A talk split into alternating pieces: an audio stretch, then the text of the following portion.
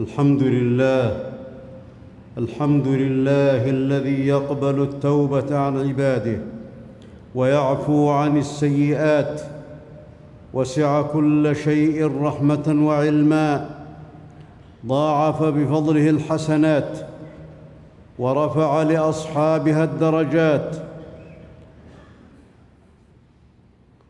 وأشهد أن لا إله إلا الله وحده لا شريك له لا يعجزه في لا يعجزه شيء في الأرض والسماوات.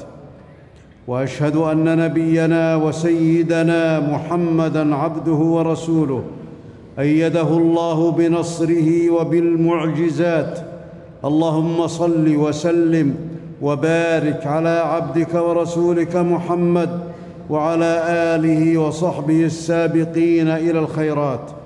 أما بعد فاتقوا الله تعالى بالتقرب إليه بما يرضيه والابتعاد عما يغضبه ويؤذيه فقد أفلح وفاز من اتقى وخاب وخسر من اتبع الهوى عباد الله اعلموا اعلموا أن فلاح الإنسان وسعادته في التحكم في نفسه ومحاسبتها ومراقبتها في كل صغيرة وكبيرة في الأقوال والأفعال فمن حاسب نفسه وتحكم في أقواله وأفعاله وخطراته بما يحب الله ويرضى فقد فاز فوزا عظيما. قال الله تعالى وأما من خاف مقام ربه ونهى النفس عن الهوى فإن الجنة هي المأوى. وقال تعالى ولمن خاف مقام ربه جنتان وقال عز وجل يا أيها الذين آمنوا اتقوا الله ولتنظر نفس ما قدمت لغد واتقوا الله إن الله خبير بما تعملون وقال عز وجل إن الذين اتقوا إذا مسهم طائف من الشيطان تذكروا فإذا هم مبصرون.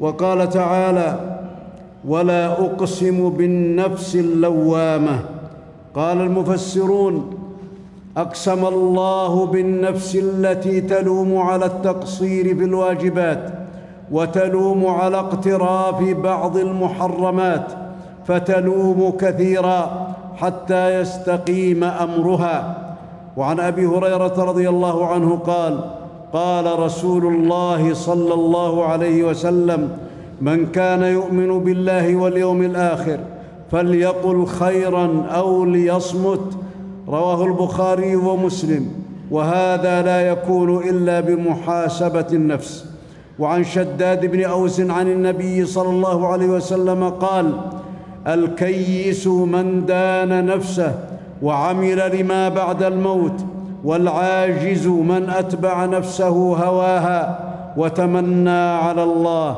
حديث حسن. وقال عمر بن الخطاب رضي الله عنه حاسبوا أنفسكم قبل أن تحاسبوا وزنوها قبل أن توزنوا وتأهبوا للعرض الأكبر. وقال ميمون بن مهران المتقي المتقي أشد محاسبة لنفسه من الشريك الشحيح لشريكه. وقال ابن مسعود رضي الله عنه إن المؤمن يرى ذنوبه كأنه في أصل جبل يخاف أن يقع عليه وإن الفاجر يرى ذنوبه كذباب طار على أنفه فقال به هكذا أي أطاره بكفه. رواه البخاري. والمؤمن والمؤمن يحاسب نفسه.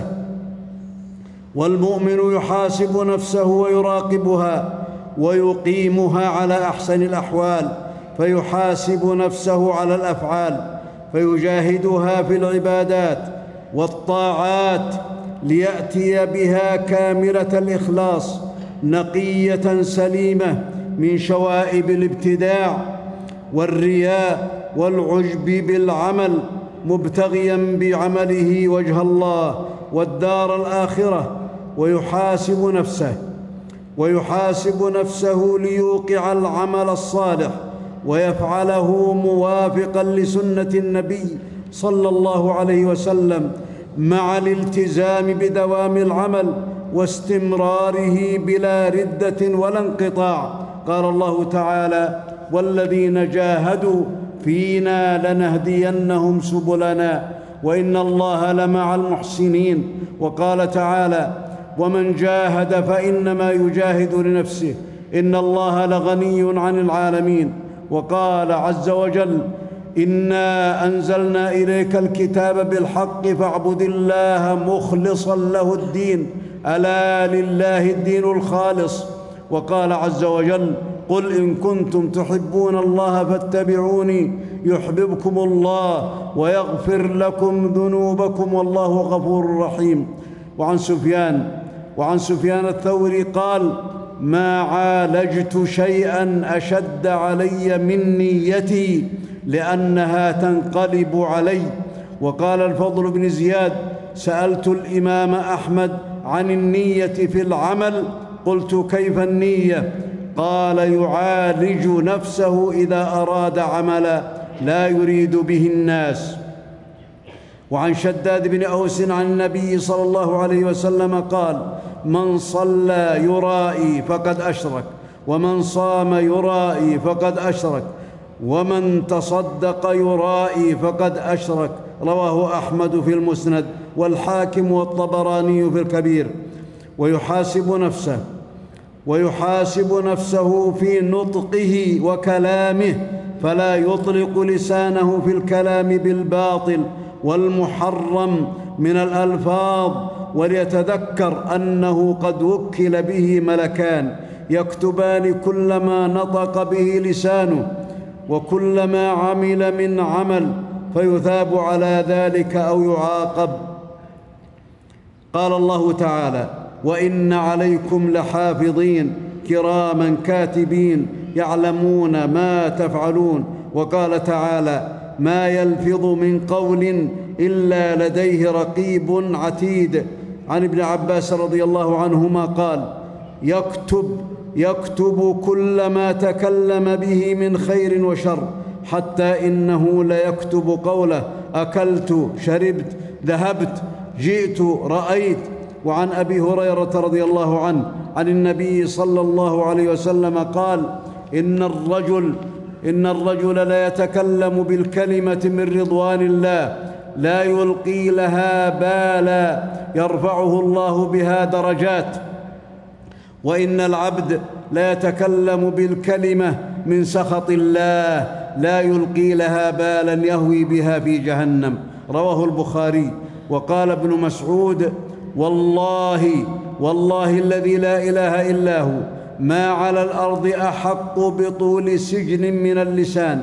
وكان أبو بكر رضي الله عنه يأخذ بلسانه ويقول هذا الذي أوردني الموارد. كما يجب على المسلم أيضا كما يجب على المسلم أيضا أن يحاسب نفسه ويجاهدها في الخطرات. والواردات على القلب والوساوس فإن مبدأ الخير والشر من خطرات القلوب ووارداتها فإن تحكم المسلم في الواردات على قلبه ففرح بواردات الخير واطمأن لها ونفذها أفلح وفاز وإن طرد وساوس الشيطان ووارداته واستعاذ بالله من وساوسه نجا وسلم. وإن طرد وساوس الشيطان ووارداته واستعاذ بالله من وساوسه نجا وسلم من المنكرات والمعاصي. وإن غفل عن وساوسه وتقبلها أورده المحرمات. قال الله تعالى وإما ينزغنك من الشيطان نزغ فاستعذ بالله إنه هو السميع العليم وأمر الله بالاستعاذة في سورة الناس وسورة الفلق من هذا العدو المبين. قال ابن عباس قال ابن عباس رضي الله عنهما إن الشيطان جاثم على قلب ابن آدم فإذا سهى وغفل وسوس فإذا ذكر الله خنس. وعن أنس رضي الله عنه قال قال رسول الله صلى الله عليه وسلم إن الشيطان واضع خطمه على ابن آدم. إن الشيطان واضع خطمه على قلب ابن آدم. فإن ذكر الله خنس أي تأخر وذهب. وإن نسي التقم قلبه فذلك الوسواس الخناس. رواه أبو يعلى والموصلي. فالحفظ فالحفظ من الذنوب فالحفظ من الذنوب. برصد وساوس الشيطان أولا والاحتراس من نزغاته ووساوسه. قال الله تعالى ولا تقربوا الفواحش ما ظهر منها وما بطن ولا تقتلوا النفس التي حرم الله إلا بالحق ذلكم وصاكم به لعلكم تعقلون. وعدم وعدم القرب منها بمحاسبة النفس عند أول أسبابها. فمن حاسب نفسه فمن حاسب نفسه وجاهدها كثرت حسناته وقلت سيئاته وخرج من الدنيا حميدا وبعث, شه وبعث سعيدا وكان مع النبي عليه الصلاة والسلام الذي أرسل شهيدا. ومن اتبع هواه ومن اتبع هواه وأعرض عن القرآن وارتكب ما تشتهيه نفسه واستلذ الشهوات وقارف الكبائر وأعطى الشيطان وأعطى الشيطان قيادة أورده كل إثم عظيم وخلد معه في العذاب وخلد معه في العذاب الأليم. قال الله تعالى ولا تطع من أغفلنا قلبه عن ذكرنا واتبع هواه وكان أمره فرطا. بارك الله لي ولكم في القرآن العظيم ونفعني وإياكم بما فيه من الآيات والذكر الحكيم ونفعنا بهدي سيد المرسلين وقوله القويم. أقول قولي هذا وأستغفر الله العظيم لي ولكم ولسائر المسلمين من كل ذنب فاستغفروه إنه هو الغفور الرحيم.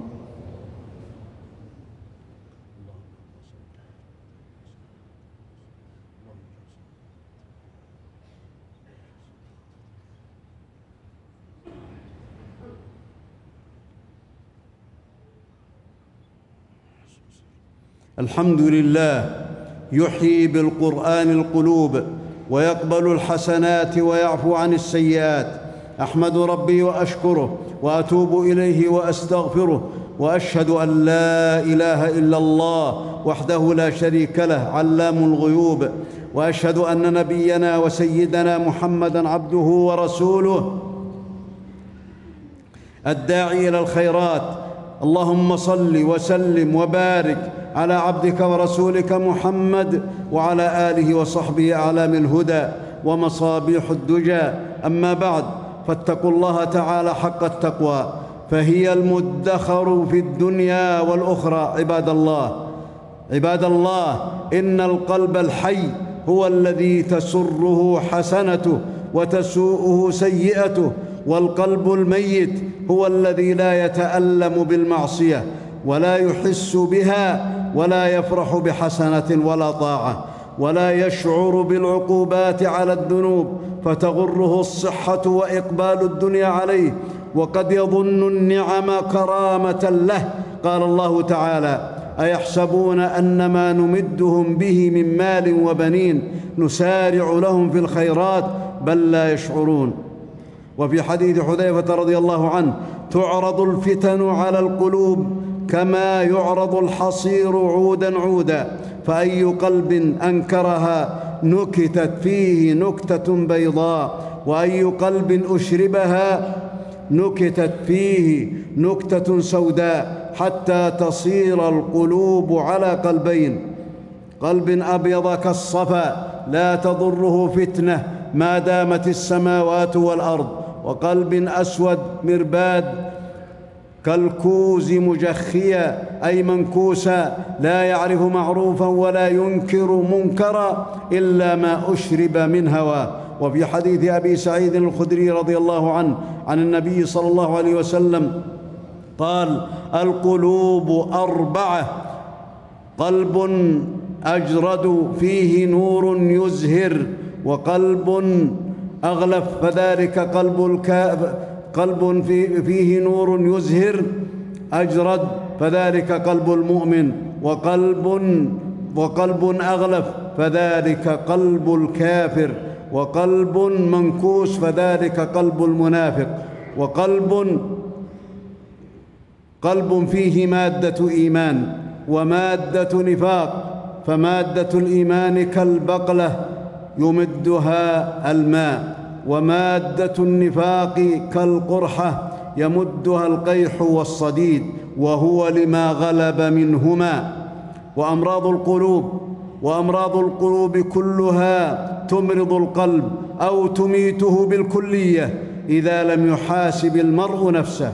ومن الحزم والخير للمرء أن يحاسب نفسه في اليوم والليلة والجمعة والشهر والسنة ليعلم من حيث اتي ويتوب ويستدرك ما فرط منه.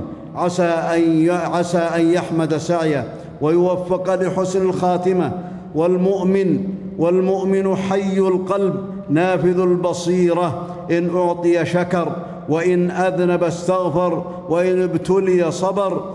ففي قلب المؤمن واعظ ففي قلب المؤمن واعظ يوقظه من الغفلة ويحذره من المهلكة.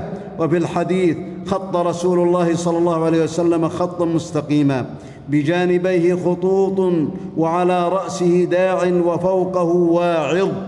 فالخط المستقيم فالخط المستقيم صراط الله والداعي على رأسه كتاب الله والذي يعظ فوقه واعظ الله في قلب كل مؤمن والخطوط عن يمينه وشماله طرق الضلال والمحرمات. عباد الله إن الله وملائكته يصلون على النبي. يا أيها الذين آمنوا صلوا عليه وسلموا تسليما. فصلوا وسلموا على سيد الأولين والآخرين وإمام المرسلين. اللهم صل على محمد وعلى آل محمد. كما صليت على إبراهيم وعلى آل إبراهيم إنك حميد مجيد.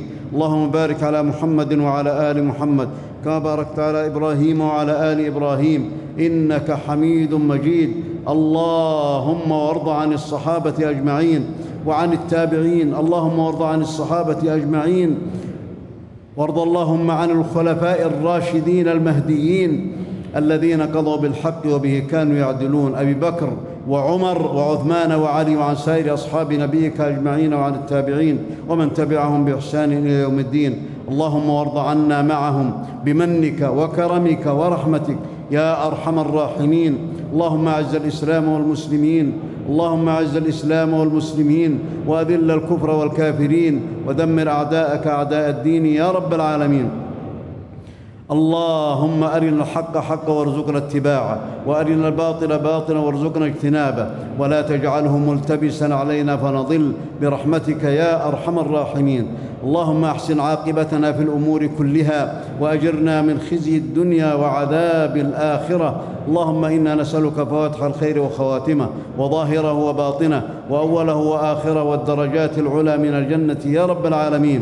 اللهم إنا نسألك فعل الخيرات وترك المنكرات وحب المساكين برحمتك يا أرحم الراحمين. اللهم تول أمر كل مؤمن ومؤمنة وتول أمر كل مسلم ومسلمة.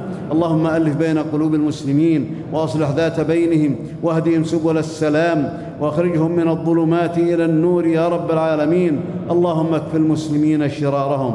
اللهم أعذنا وأعذ المسلمين من شرور أنفسنا ومن سيئات أعمالنا. اللهم أعذنا من شرور أنفسنا ومن سيئات أعمالنا. وأعذنا من شر كل ذي شر يا رب العالمين. اللهم أعذنا وأعذ ذرياتنا من إبليس وذريته وشياطينه وجنوده يا رب العالمين. اللهم أعذ المسلمين من إبليس وذريته برحمتك يا أرحم الراحمين. اللهم إنا نسألك أن تنصر كتابك اللهم انصر كتابك وسنة نبيك يا ذا الجلال والإكرام برحمتك يا أرحم الراحمين. اللهم ارفع ما نزل بالمسلمين من عقوبات اللهم ارفع ما نزل بالمسلمين من الكوارث اللهم الطف بالمسلمين اللهم أرحم أمة محمد صلى الله عليه وسلم اللهم ارفع عن المسلمين في الشام ما نزل بهم من الظلم يا رب العالمين. اللهم انصرهم على من ظلمهم إنك على كل شيء قدير برحمتك يا أرحم الراحمين. اللهم احفظ بلادنا من كل شر ومكروه يا رب العالمين. اللهم أمنا في أوطاننا وأصلح اللهم ولاة أمورنا. اللهم وفق خادم الحرمين الشريفين لما تحب وترضى. اللهم وفقه لهداك واجعل عمله برضاك. اللهم اعنه على كل خير وسدده ووفقه يا رب العالمين. اللهم أطل في عمره على على الطاعة إنك على كل شيء قدير. اللهم وفق نائبيه لما تحب وترضى. برحمتك يا أرحم الراحمين ولما فيه الخير للإسلام والمسلمين. اللهم إنا نسألك أن تغفر لموتانا. اللهم اغفر لموتانا وموتى المسلمين. اللهم اشف مرضانا ومرضى المسلمين. اللهم اشف مرضانا ومرضى المسلمين. اللهم اشف مرضانا ومرضى المسلمين. اللهم أصلح شبابنا وشباب المسلمين يا رب العالمين في كل مكان. اللهم اجعلنا اللهم اجعلنا يا ذا الجلال والإكرام ممن استعملته في طاعاتك وجنبته معاصيك إنك على كل شيء قدير. عباد الله إن الله يأمر بالعدل والإحسان وإيتاء ذي القربى وينهى عن الفحشاء والمنكر والبغي يعظكم لعلكم تذكرون. وأوفوا بعهد الله إذا عهدتم ولا تنقضوا الإيمان بعد توكيدها وقد جعلتم الله عليكم كفيلا. إن الله يعلم ما تفعلون. واذكروا الله العظيم الجليل يذكركم واشكروه على نعمه يزدكم ولذكر الله أكبر والله يعلم ما تصنعون.